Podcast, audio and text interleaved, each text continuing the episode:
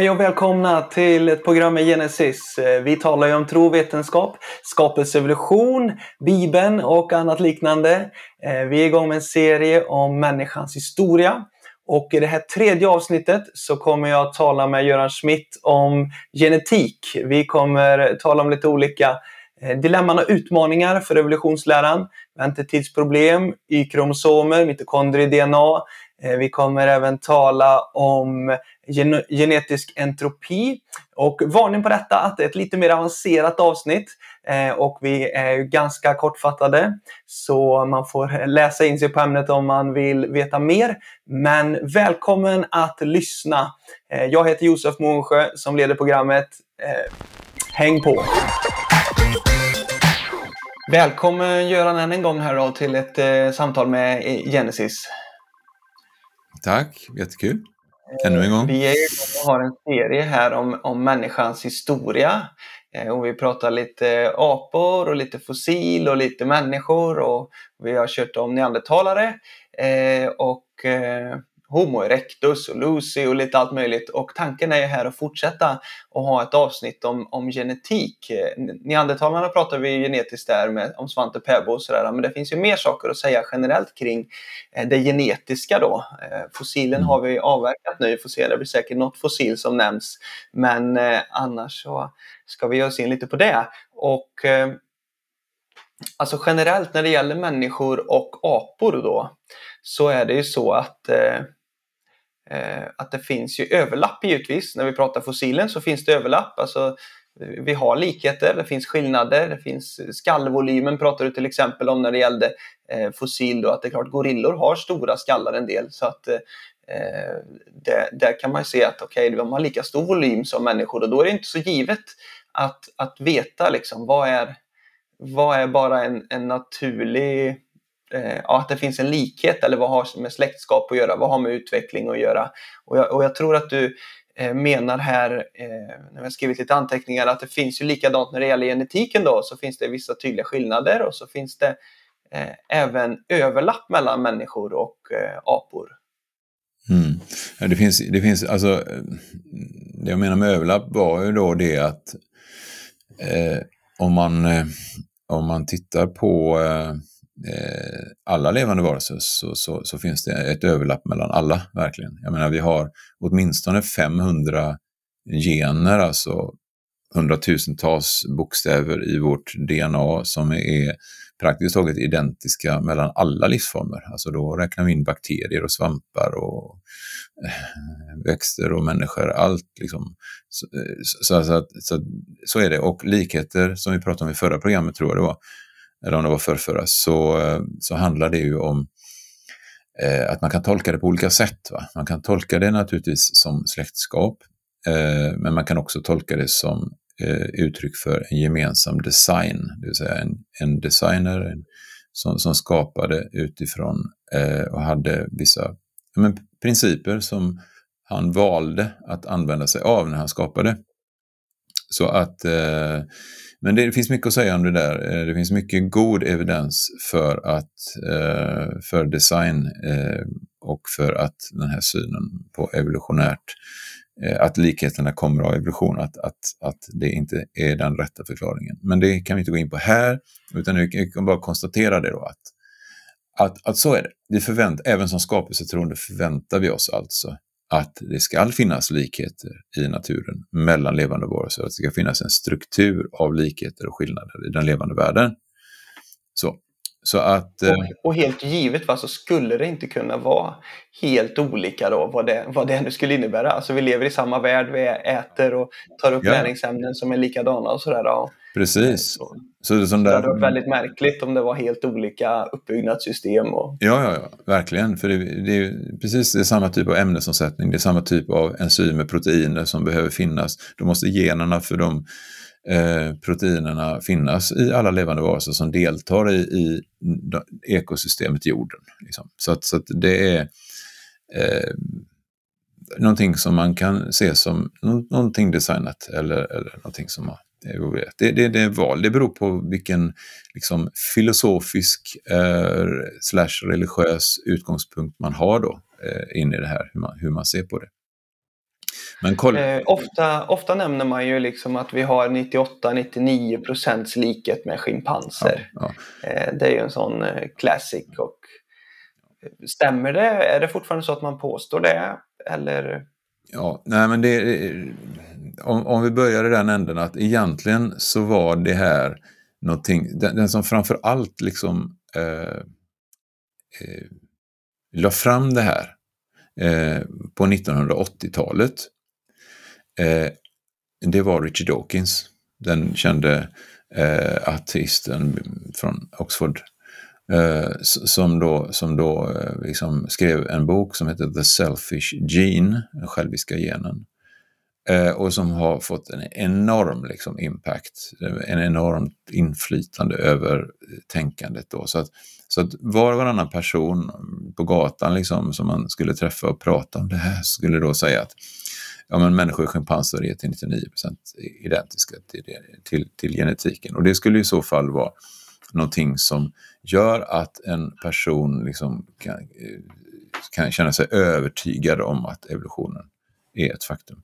Eh, varför är en vanlig person övertygad om evolutionen? Jo, men det är väldigt i hög grad det här med likheten med aporna då. Och är den 99 procent, ja men då, då, liksom, då är saken klar. Va? Eh, så att eh, det är viktigt att stanna en stund vid just den här frågan, är det verkligen på det sättet och hur vet man det eller hur är det, ligger det till då? Och det var så här, när Richard Dawkins skrev den här, den här, i den här boken att likheten var 99% så trodde han verkligen det. Det var nämligen det, den situationen som vetenskapen befann sig i i, i, i det läget.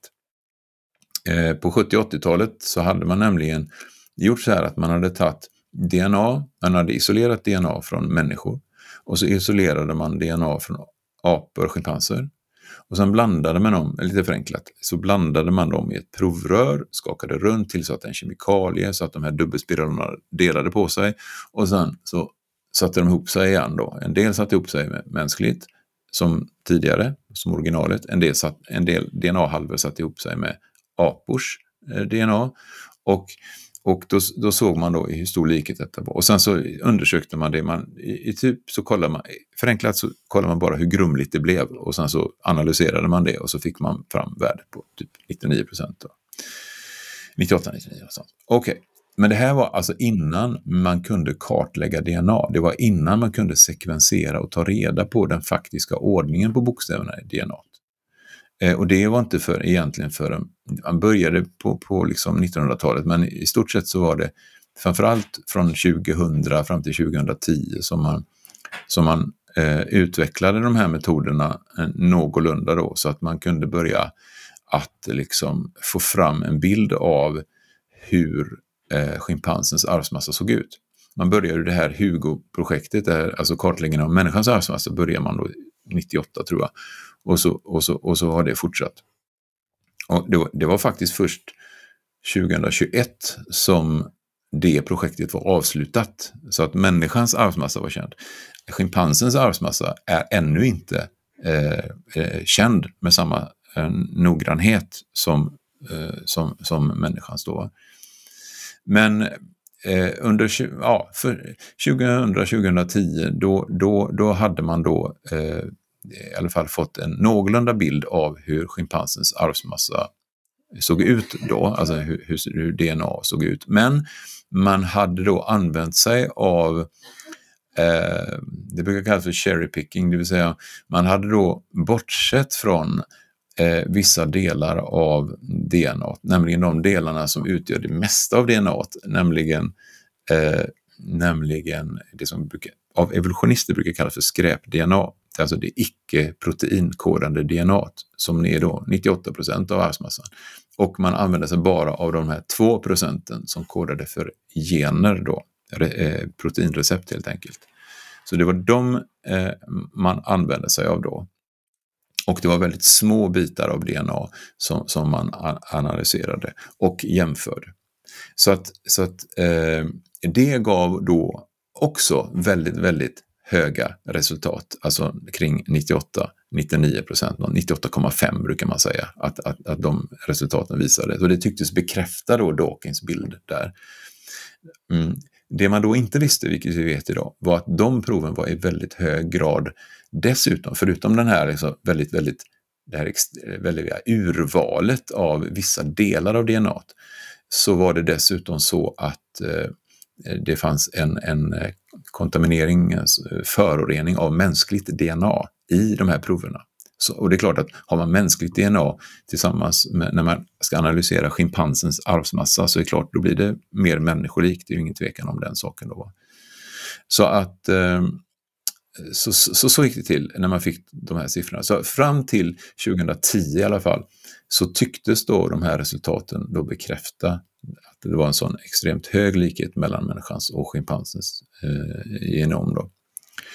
Men sen då, 2018, då hade man, och det här är bara för fyra år sedan, då hade man liksom eh, förfinat de här eh, sekvenseringsmetoderna så att man hade mycket, mycket högre upplösning i, i bilden. Liksom. Eh, så att då kom det ut eh, forskningsrapport som, som liksom betonade det här att, eh, att, att de tidigare proverna har varit förorenade med mänskligt DNA. Och eh, man lyfte också fram de här sidorna med, eh, med det här selektiva urvalet av delar av DNA då, när man, när man eh, öppnar. Däremot så uppgår man ingen, i den här rapporten så uppgår man ingen procentsats längre, vilket är lite intressant. Eh, alltså nu när man har, har, bilden har klarnat lite grann, då vill man inte ange någon procentsats. så. Utan, eh, utan det liksom tonar man ner lite grann på något sätt. Va? Eh, det, det är viktigt att veta det att anledningen till att man vill nämligen väldigt, väldigt gärna utifrån ett evolutionärt perspektiv att människor och schimpans ska vara väldigt lika. Beroende på att det är oerhört svårt att förklara hur en större skillnad i arvsmassan än 1 procent skulle kunna förklaras med evolutionära mekanismer inom en tidsperiod av 6-7 miljoner år som det då anses att människan skiljer sig från schimpanserna. Så det finns en, en liksom ideologiskt, ett ideologiskt tryck att vilja hålla uppe siffrorna lite grann. Kanske var det därför eh, som man inte nämnde någon procentsiffra här, därför att en, en kristen bibeltroende forskare som heter Jeffrey Tompkins, han satsade helt enkelt ner och eh, eh, gick igenom det här, genetisk, det här alltså, eh, statistiska underlaget då för den här undersökningen 2018. Och han, han kunde visa då att likheten inte var större än 84,3 procent. Med eh, 84, eh, jag tror han fick fram eh, 84,4 procent. Alltså likhet mellan människa och schimpans. Man kan tycka så här att åh, men det är ju ändå jättemycket. Men då ska man vara medveten om att likheten mellan, mellan oss och bananer uppgår till 50 procent. Och då är 84,4 procent inte så konstigt med tanke på att vi är ganska mycket mer lika schimpanser till anatomin och funktionen än vad vi är bananer, eller hur? Så att det, det, det är så här. Men okej, okay, 84,4 procent så, men det, en, det, skulle ju då kunna avfärdas med, ja men det här är ju en kreationist då. Eh, men då var det så här att praktiskt taget samtidigt och parallellt med eh, att Jeffrey Tompkins eh, presenterade de här resultaten på en, en, en eh, skapelsekonferens, en kreationistisk konferens, då, så var det en, en, eh, en, forskare, en genetiker i London som heter Richard Buggs, som eh, med en annan metod eh, liksom eh, gjorde samma typ av analys av det här genetiska materialet. Och han kom fram till en likhet på 84,38 procent. Alltså, Eh, eh, eh, ja, det kan hända att det kan diffa någon tiondel i det jag säger nu, men det var praktiskt taget, praktiskt taget identiska siffror. Så, det ska, så att idag kan man säga så här, evidensen idag, det kan förändras imorgon, men evidensen idag visar att skillnaden mellan, mellan människa och schimpans i genetiken handlar om eh, snarare 84 procent, 84-85 procent. än 98-99. Och man kan vara ganska säker på, antar jag, Göran, att vi kommer aldrig återkomma till de här 98-99 procenten? Nej, nej. Alltså det, det, jag skulle säga så här, det räcker att titta på en schimpans och titta på en människa. Så kan man själv dra en slutsats. Ja, men, vad är rimligt egentligen? Är det rimligt att en schimpans diffar från en människa med en procent? Alltså i, i genetiken. Är, är det verkligen... Eh, det var ungefär som när vi pratade om, om fossiler, där liksom använd intuition, använd sunt förnuft. Eh, vad, vad, vad, är det egentligen eh, som, som verkar rimligt då? Ofta, ofta träffar man förvånansvis rätt då, när man följer sin intuition. Evolutionister vill att vi ska släppa vår intuition därför att den är så dum. Eh, lyssna på forskarna, lyssna på oss istället. Men använd den då. Liksom, va? Det är klart, om man, om man tänker på den intellektuella skillnaden då, hjärnkapacitet, ja. språk och grejer, så, så inser man att det måste ju finnas genetiska skillnader som ja, är med och orsakar de här eh, enorma skillnaderna mellan schimpans och människa. Samtidigt som det självklart finns stora likheter. Det räcker ju också genom att bara titta på, på, på alltså. alltså ett litet barn skulle direkt kunna säga att det, det, det är jättemycket större likhet i, på insidan av en schimpans och en människa än det när man jämför en, en människa med en banan eller en människa med en myra. Alltså det, det är ju någonting, ja men, det är bara, det är någonting man direkt inser. Va? Sen hör det till saken också att när man har tittat på Y-kromosomen, för schimpanser har också en Y-kromosom precis som vi, där är skillnaden jättestor verkligen mellan schimpans eh, och människa. Den, den, är, den är liksom, den skillnaden är så stor så att det är som att jämföra en människas Y-kromosom med en hönas. Alltså, alltså i den storleksordningen är diffen när det gäller Y-kromosomen. Och det intressanta är att just Y-kromosomen... Och, och hönor har inte ens någon Y-kromosom utan bara tupparna. Ja, det har du rätt i. Ja, ja, just det, det, så är det ju. Det heter hönor och tuppar, ja, kyckling. Ja, bra. Det var bra. Här har vi en, en, en, en person som lever på landet, med lantbruket. Eh, ja, men det är helt rätt. Helt rätt. Men... tupparnas Y-kromosomer? Ja. exakt, exakt. exakt. Eh, men eh, jo, men det är en sak till. Det är just att y, här, här finns en intressant sak. Varför är Y-kromosomer så väldigt olika? Därför att det är just Y-kromosomer där vi skulle förvänta oss de absolut minsta skillnaderna mellan schimpans och människa. Och varför då? då? Jo, därför att alla de andra kromosomerna, eh, alltså vi, vi har människan, kort då, människan har då 46 kromosomer, det, det är två exemplar av varje, utom könskromosomerna, det är X och Y eller bara XX. Eh, bortser vi från dem, så de andra kromosomerna kallas för autosomer. De kromosomerna, då har man alltså två par, ett från mamma, ett, en från pappa, en från mamma. Och under celldelningen så, så läggs de här intill varandra eh, och, och då utbyter de arvsmassan med varandra. Så det flyttas liksom eh, stycken av DNA från den ena, den som kommer från pappa, den kommer från mamma, och så blandas de med varandra hos autosomerna. Eh, och det gör att liksom variationen i avkomman blir nästan oändligt stor jämfört med om kromosomerna skulle vara inte liksom samverka med varandra eller samspela med varandra och byta delar. Det här, det här kallas för rekombination då, och är en stor orsak till den variation som finns då, eh, bland människor till exempel. Och, men, eh, men det här sker inte mellan X och Y-kromosomer. Eh, så. Och det, det, innebär i praktiken att just Y-kromosomen, där, där kan man förvänta sig att den förblir praktiskt taget som den har varit generation efter generation efter generation. Och där är skillnaderna som störst. Men det är där skillnaderna borde vara som, som, som allra minst. Mm. Så det är det. det, det, det. Eh, och så var du inne på detta med 46 kromosomer och, och schimpanserna har 48 också. Visst exakt, så? exakt så är det. Jag skulle bara nämna det också att, att det är faktiskt så här dessutom då att människan har eh, fem, över 500, 500, jag tror det är 584 gener som är helt unika för människan som inte finns hos vare sig schimpanser eller några andra apor eller människoapor. Alltså, så, så, och det, det, här är, det här är alltså 584 gener, det är ganska mycket därför att totala antalet är liksom 20 000. Så av dem så är liksom 584 eh, helt unika för människan. Inte har någon motsvarighet överhuvudtaget. Också. Det skulle jag sagt också. Jo, just det. Tittar man då sen också på kromosomantalen hos, hos eh, människor och schimpanser så är det så att alla apor, ja, inte bara schimpanser, alla apor, alla människoapor har 48 kromosomer, människan har 46.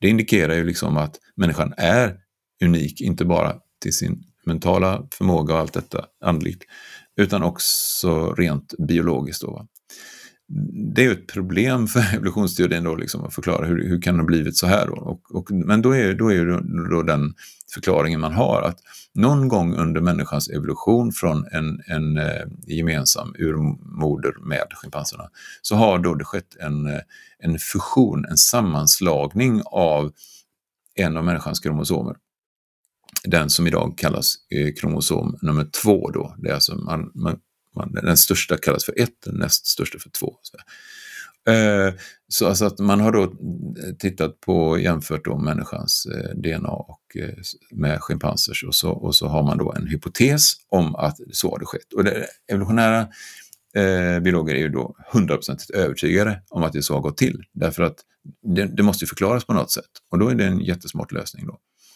Så att eh, man kan säga så här att den här hypotesen då eh, kan man idag säga så här, om man ska vara objektiv på det hela, så, så finns det mycket som talar emot den här hypotesen.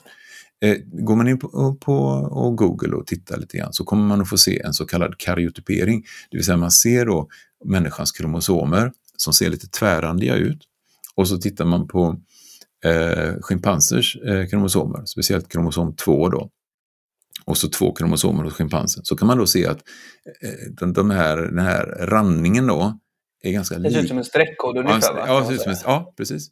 Och den, den, är ganska likartad mellan människans och de här två schimpansernas eh, streckkod. Då. Och så tycker man att, ja men fine, man, man kan slå ihop de här då. Man, man, kan säga så här att den här bilden då, som ser väldigt övertygande ut och som har gjort att, att en, även en del skapelsetroende forskare har liksom tänkt så att ja, men det måste nog gått till så ändå på något sätt.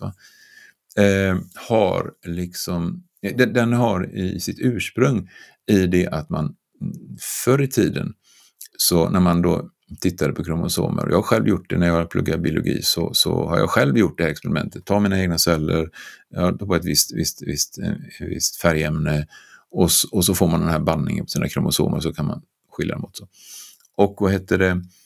Eh, det var att på den tiden då så, så, så var det bara en, en ganska banal färgläggning då av kromosomerna som gav det här mönstret och som, som gav det här. Nu, gör, nu då i vår tid så, så gör man då gällande att man har hittat då eh, alltså en kromosom eh, har då i mitten, eh, den är som en, en, en liten korv och i mitten av den så är det en liten ingröpning, lite tunnare på mitten och där sitter någonting som brukar kallas för en centriol. Och sen i bägge ändarna av den så finns det något som heter telomerer. Det är liksom en sekvens av sex eh, DNA-bokstäver som upprepas då en massa gånger så här, va? på båda sidor.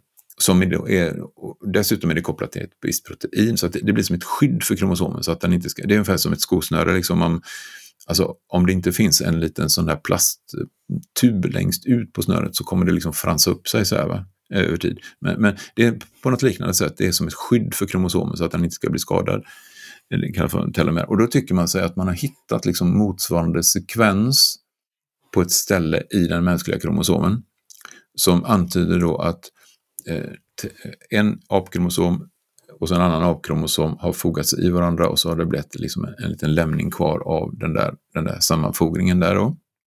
Och sen om man då har två kromosomer sammanfogade på varandra så kommer man ju få två centrioler, alltså den här delen som satt i mitten av varje kromosom. Då kommer det finnas två sådana och då tycker man sig ha hittat spår även av, av dem då i Så att det, det, finns en hel del massa jobbat på det här, för man vill naturligtvis jättegärna visa att det verkligen är så som, som det har gått till. Då, då. Visst talade Georgia Purdom talade om detta på vår årskonferens va? i höstas? Hade hon ett föredrag om, om det här? Det stämmer, det stämmer. Där kan man absolut gå in och lyssna. Det visar sig nu, nu så här när man, när man tittat på det här eh, lite närmare så visar det sig att de här ställena på den mänskliga kromosomen nummer två, de ställena som då påstås vara eh, eh, spår av den här fusionen då, det är i själva verket eh, en del av en aktiv och jätteviktig gen i människans eh, arvsmassa. Så att man skulle förvänta sig liksom när två delar med bara slump, alltså, alltså eh, sex eh, liksom, eh, eh DNA-bokstäver upprepade x antal gånger bara en, enformigt. Att en, en sån sekvens skulle vara meningslös då va? Och, och liksom någon sorts relik av det som en gång hände, men funktionslös då. Va? Eller ett R liksom. Men i praktiken så är det då en vital del av en central gen i, i människans eh, arvsmassa. Då. Och sen hade man då eh, förhopp, förhoppningar. Man, man, alltså man kan säga också så här, ingenstans i den levande världen har man någonsin hittat eller, eller kunnat observera hur två kromosomer fogas samman i i slutändan av varje kromosom på det här sättet. Va? Man har sett det någonstans tror jag, i, i en cancercell, men, men, men inte annars. Därför att en sån här förändring, det är ju en kolossalt stor förändring i en människas arvsmassa. Så det finns alla skäl att tro att om det skulle hända så skulle det få drastiska konsekvenser. Det, det krävs inte stora förändringar i arvsmassan för att det blir missfall och aldrig kommer att födas något barn. Alltså. Så, att, så att en sån drastisk förändring skulle högst sannolikhet göra att den här individen blir totalt liksom, eh, utslagen av det naturliga urvalet eh, direkt och inte skulle kunna överleva. Eh, så mm. att mm, Nej, men så att, så att och, och det är samma de här ställena som, som där man tycker sig hitta centrioler och sånt där, eh, spår av centrioler eh, i, i mänskliga kromosom 2. Så det, det, är samma sak där, det ingår också i eh, fullt aktiva, livsnödvändiga liksom, funktioner. Så, så att eh, det, det, argumentet håller helt enkelt inte då. Mm. Det finns ju fler eh, saker med genetik då. Eh, och, och, genetiska problem och, och utmaningar. Eh, Eh, och eh, en sak som vi talar om ibland och vi har ju tidigare avsnitt i våran podd som mm. vi har talat om detta också. Men väntetidsproblem. Mm. Alltså det har ju att göra med att det är klart det är en otroligt stor skillnad i antalet eh, sådana här eh, Eh, bitar i DNA eh, som, som skiljer från liksom vår urmoder till idag. Och, och det är klart, de här behöver ju uppkomma då via mutationer och sånt där menar man. Eh, men, men gå igenom lite kring väntetidsproblemet ja. Göran. Jag mm. har lite för dålig koll också mm. så att du får köra. Ja, nej men om, om, om det är så här som jag nämnde förut att det var över fem, nästan 600 eh, gener i, som är unika för människan. Eh, och, och de måste ju ha uppkommit då under de här tre, eller 67 miljonerna åren från och så vidare, va? eftersom de inte finns hos någon annan schimpans eller så. Och eh, då är frågan liksom det här, okej, okay, de, här, de här generna måste ha uppkommit liksom. Och en gen består i genomsnitt av kanske 1500 kvävebaser, i, bokstäver i en följd. Så att eh, de här eh, sakerna är då eh, någonting som, som måste ha ägt rum enligt evolutionen. Då. Sen när man då tittar på det i praktiken så visar det sig att, att om man räknar med realistiska liksom, omständigheter, det får man använda datorer till att göra, men om man gör det och räknar med liksom, hur stor sannolikheten är att det uppstår en viss eh, mutation intill en annan, eh, så visar det sig att den tid man skulle behöva vänta på att eh, två stycken eh, kvävebaser hamnar i en, en viss kombination med varandra. Eh, man behöver i, i genomsnitt vänta flera, jag, jag har glömt siffran nu, men det handlar om, om åtskilliga miljarder år innan, innan den skulle uppträda.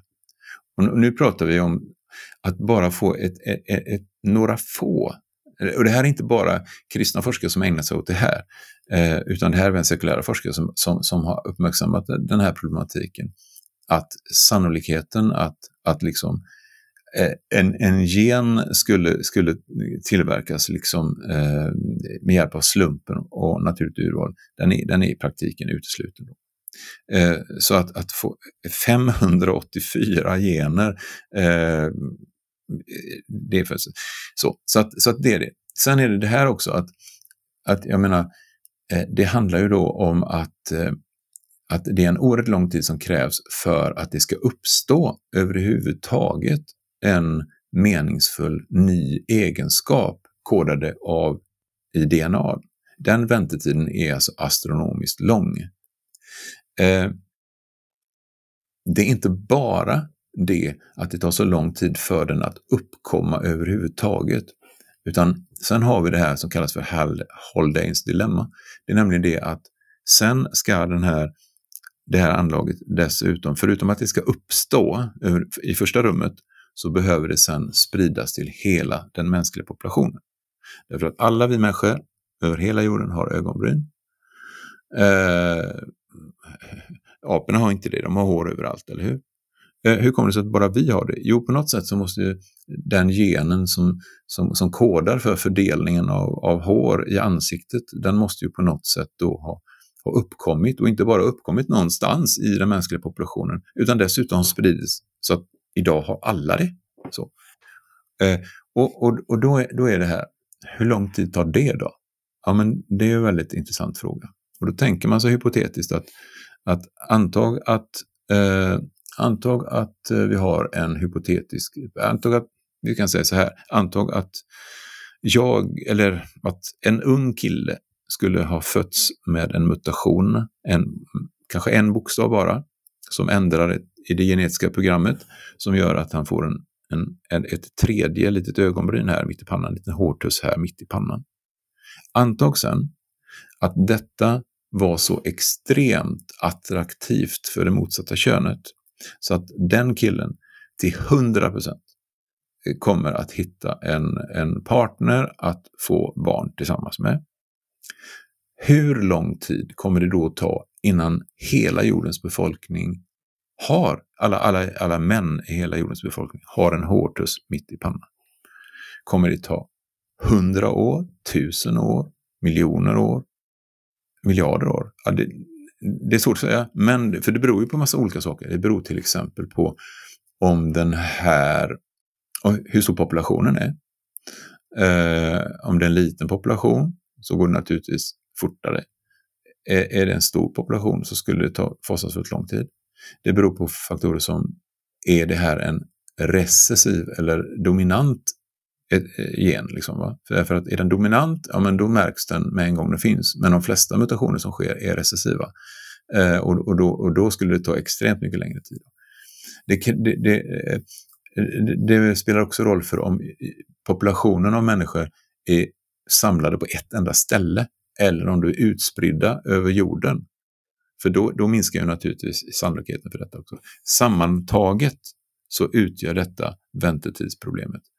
Och varje enskild del i detta problemet är, eh, visar, och här kan man också använda sin intuition. Det här skulle tagit ex, fruktansvärt lång tid. Och då snackar vi om en enda liten bokstavsförändring kanske, som ger den här effekten. Så alla de skillnaderna som är 84 procents skillnad mellan apor och schimpanser, det handlar om en halv, nästan en halv miljard bokstäver som ska ändras.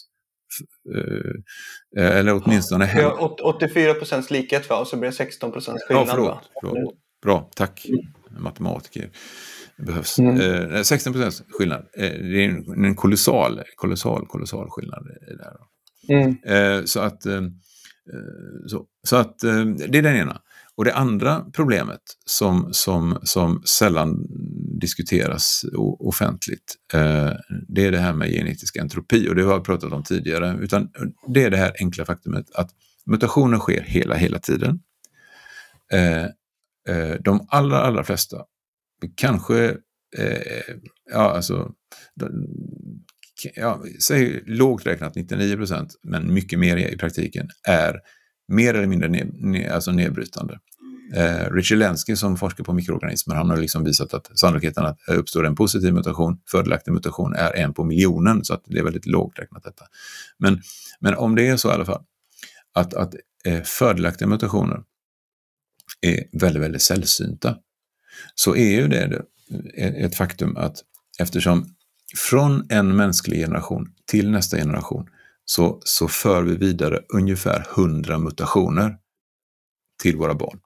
Och de i sin tur ungefär 100. Siffran är sannolikt mycket, mycket lågt räknad. Men, men i alla fall, så kommer av de 100 mutationerna så är nej, praktiskt taget alltid allihop eh, mer eller mindre skadliga. Men ibland kan det finnas någon som är lite, lite fördelaktig där i dem. Eh, Mm, vad innebär det här då, då? Jo, det innebär alltså att mutationerna eh, leder till att människans och alla organismers arvsmassa långsamt eh, monteras ner. Alltså slumpmässiga förändringar i informationssystem leder alltid till att information går förlorad. Det här leder då till att vi får en, en, en, en minskad eh, livskraft eller fitness hos, hos eh, levande varelser. Och det här är, det här är liksom, en enda räddningen vore om det fanns ett naturligt urval som var så effektivt att det kunde sålla bort alla de, alla, alla de skadliga mutationer som sker. Men det är inte på det sättet. Det är inte på det sättet. Så, att, så det, här är, det, här är, det här är någonting som även sekulära, eh, eh, alltså gen, humangenetiker har, har, har bara konstaterat. Då. Alltså, man säger typ så här, eh, som en av dem sa i en artikel för inte så länge sedan, heter Kondrashov, han sa så här att eh, varför är vi inte utdöda hundra gånger om? Därför att med den takt som mutationer uppstår i människor, förs vidare och hur stor andel av dem som är destruktiva, så borde vi, vårt arvsmassa borde varit praktiskt taget utplånad vid det här laget. Då. Så de här två problemen genetiska problem som man aldrig läser om i skolan. Eller knappt på universitetet ens. Men, men som är realitet. Det här med, med genetisk nedbrytning, liksom då, det, det, skapar en helt annan grundbild. Att, att Verkligen. en skapare skulle ha skapat allting färdigt med god, bra gener, bra genetik, bra DNA och sen håller det på att brytas ner. Till skillnad från evolutionsläran då som Precis. tänker sig att allting är under successiv uppbyggnad. Precis. Eh, så det är helt motsatt eh, verkligen. grundtänk. Verkligen, det är verkligen en utförslöpa det här och, och det, det, är frågan om man inte kan se, även med sin intuition här och med, sin, med, med det, det, man kan se, att det kan komma in i bilden även här därför att när man läser tidningsrubriker om till exempel att, eh, att eh, vi har idag då Eh, jag menar eh, sjukdomstillstånd, genetiska sjukdomstillstånd, ärftliga sjukdomar liknande eh, och andra genetiska defekter, att det, att det liksom successivt ökar när, när spermieproduktionen hos män har minskat drastiskt. Så här. Så visst, det kan vara miljöeffekter, men det kan också vara eh, genetiska effekter som på, påverkar de här sakerna. Då. Eh, och eh, det intressanta är att Mm, det här är vad vi skulle förvänta oss utifrån ett bibliskt perspektiv, där Gud skapar en människa och allt annat mycket, mycket gott, säger han att det var efteråt när han har skapat. Eh, sen kommer syndafallet och eh, världen utsätts för destruktiva inflytanden, däribland mutationer, som, som, som bryter ner, som slumpmässigt går in och förändrar och, och, och bryter ner över tid. Eh, den här processen Eh, med genetisk entropiökning då, som det handlar om, Alltså att, att kaoset ökar i arvsmassorna hos levande varelser. Man kan, skulle kunna koppla ihop det med en intressant iakttagelse när man läser i, i, i Bibeln. Man går in i, i första Moseboken och så gör man lite statistik över tiden från syndafloden och eh, framåt och plottar in där, liksom prickar in där eh, vilken ålder, eh, alltså antalet generationer från Noa och vilken ålder som Bibeln anger att man, man eh, fick då. Så kan man konstatera, att Noa han, han levde 950 år. Hans son Sem levde, jag tror det var 450 år, alltså generationen efter. Och sen så hoppar man fram några generationer och så kommer man fram till eh, exempel till Abraham, han blev 175 år gammal, jag tror det var 14 generationer efter, efter Noa. Och sen eh, så har vi kung David, han, han blev 70 år gammal eh, och så vidare. Och sen kan man, och då får man en, en exponentialkurva som är oerhört, den är nästan, ja men det är som, som man brukar säga signifikans på den, så den, den är liksom ofrånkomlig, liksom. den, är, den är verkligen klockren, en, som en biologisk process på något sätt. Va? Livslängden avtar, det kan handla om en, en det kan vara ett, ett tecken på en genetisk eh, liksom, nedbrytning helt enkelt. Jag lyssnade faktiskt på en eh, annan podcast häromdagen här och då så Eh, en brittisk eh, med några duktiga eh, historieforskare och då pratade de om det att under romartiden i romarriket så dog ju de flesta människor i, i mellan 20 och 30 tror jag de sa att medellivsåldern var. Ja, precis. Jag hörde någon siffra om 45 men, men på medeltiden hörde jag någon, någonting med 30, 33, 35 ja, år. Så kan det vara. Så, så men, kurvan... men det är väl det är verkligen att det fortsätter ner. Alltså det är väldigt fascinerande med alla åldrar som står i Bibeln. Där liksom, att även de som blir 70-80 är ju väldigt an anmärkningsvärt eh, med tanke på, sen kanske det har med urbanisering och sådana saker ja. också. Och det är klart att det som har gjort vänt är givetvis eh, medicin liksom och, och vår läkekonst har ju gjort att vi har en helt annan situation idag. Då. Men, men den kurvan som du pratar om är väldigt intressant. Det är verkligen, verkligen. Och det är liksom, jag menar, David eh, skriver ju i salmen där, en människas liv liksom blir 70 eller 80 om det blir långt, säger han. Va? Nu vet jag att människan kan bli äldre idag och, och, och så vidare. Men som sagt, man, man, kan bara tänka efter själv lite grann så här.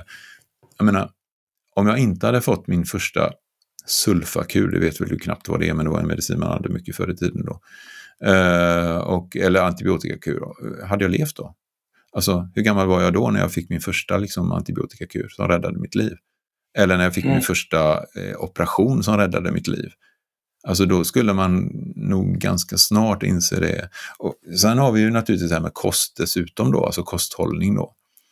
Eh, och, och, sånt som inverkar. Så, att, så frågan är om inte den där kurvan faktiskt eh, är, den har ju planat ut liksom va, eh, såklart. Men, men den är anmärkningsvärd och den är väldigt intressant. Eh, I synnerhet när man, när man ser saker i, i det här ljuset. Då. Nu har vi kommit ifrån genetiken ja, lite då, fast det hänger men, ihop. Men, men jag tänker att eh, ja, men det här med genetisk entropi, det är också någonting, det har ju inte med människa och, och schimpans eller ap, apförfader att göra i sig. Men det är ju verkligen så att, att det pekar på någonting annat. Och det här med Haldanes dilemma som du nämnde där innan, eller, eller väntetidsproblem.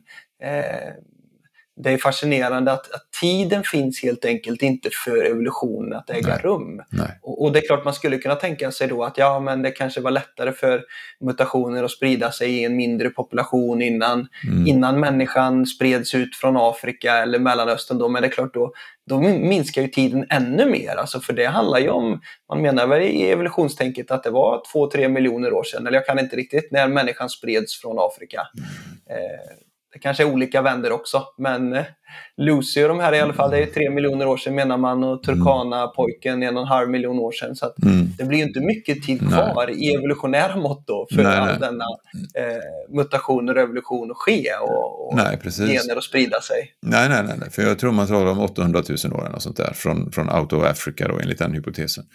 Eh, men eh, nej, det, det, är precis som du säger. Så att jag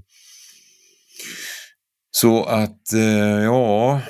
Ska vi eh, nämna något om detta med Y-kromosom, DNA, ja. mitokondrie-DNA och Y-kromosomer också? Eller bara kort? Man kan nämna det helt kort. Liksom att, eh, det är ju så här då att eh, kvin alla kvinnor, alla, alla människor har liksom i eh, små beståndsdelar i cellerna som kallas för mitokondrier, som är cellens kraftverk brukar man säga. Och där finns en liten snutt med DNA som är, om, om människans DNA i cellkärnan är, kanske ligger på drygt 3 miljarder bokstäver så är det 16 300 tror jag i de här små, små, små DNA-ringar som ligger inne i de här mitokondrierna som kodar för proteiner som krävs för att de ska tillverkas.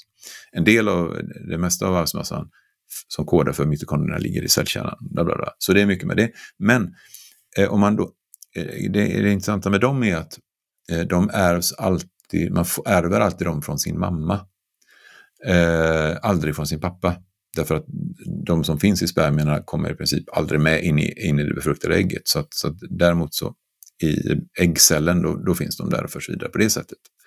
Och eh, då har man då eh, jämfört då eh, ordningen på bokstäverna hos mitokondrierna i kvinnor från olika delar av världen.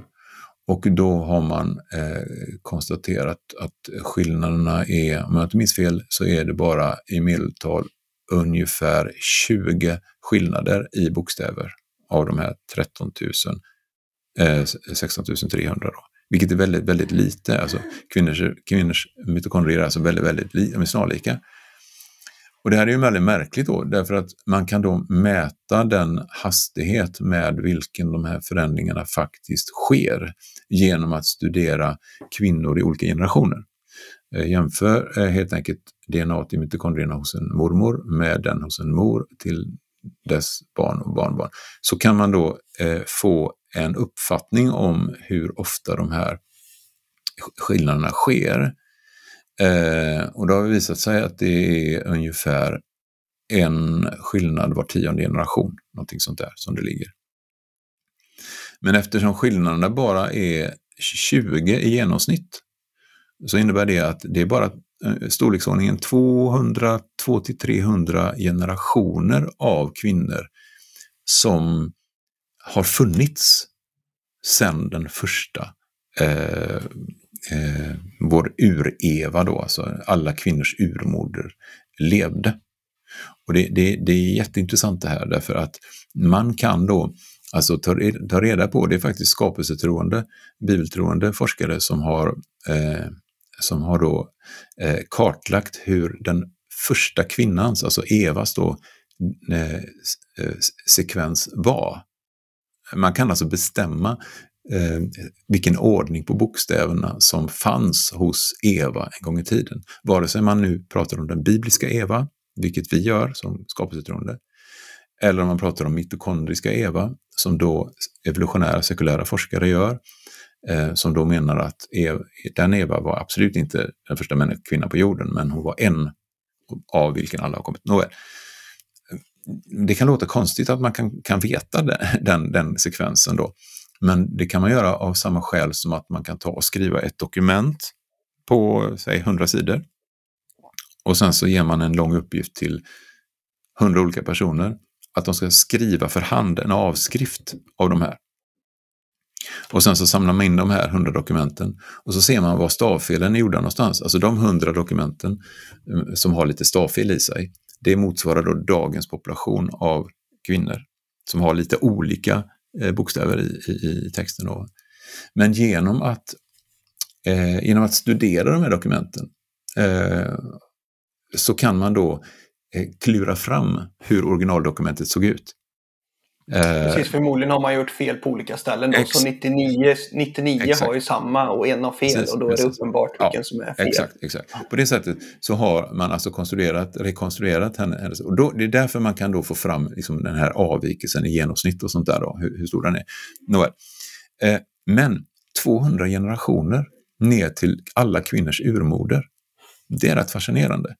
Därför att det här, det här är, är, ger då en ålder på eh, kvinnan som, som är precis i, i, i storleksordning med den som Bibeln, Bibeln anger. Om man, om man tror, väljer att tro på den bibliska kronologin eh, som faktiskt finns redovisad. Det finns en, en så kallad kronogeologi från Adam och ända upp eh, genom, genom tiderna i, i dokumenterade Bibeln och eh, bara i Bibeln, inte i några andra antika dokument, men bara just där. Och eh, då hamnar man där. Och Det är väldigt, väldigt fascinerande, i synnerhet som man kan göra motsvarande resonemang för män med hjälp av hans Y-kromosomer. Och, och bara först då, visst är det så, det är ju inte eller det, det, är uppenbart här men jag bara förtydligar, men att det är ju inte hela kvinnliga DNA som man härrör utan det är ju mitokondrie-DNA här så vi kan det. gå tillbaka till ja, bara... alla kvinnors mitokondrie-DNA. Ja. Eh, den urmodern som hade det mitokondrie-DNA. Ja. Men för oss är det samma person ur ett, ur ett bibliskt skapelseperspektiv. Precis, och, och googlar man på det här och går in på Wikipedia till exempel och läser om mitokondriska Eva eller mitokondrie-Eva så kommer man att se tidsangivelser som ligger kring kanske 150-160 000 år år istället för det, de här siffrorna som jag säger nu. Men då, då är det så här att de siffror jag refererar till nu, det är de senaste, mest pålitliga genetiska metoderna som forskningsresultaten som ligger till grund för det.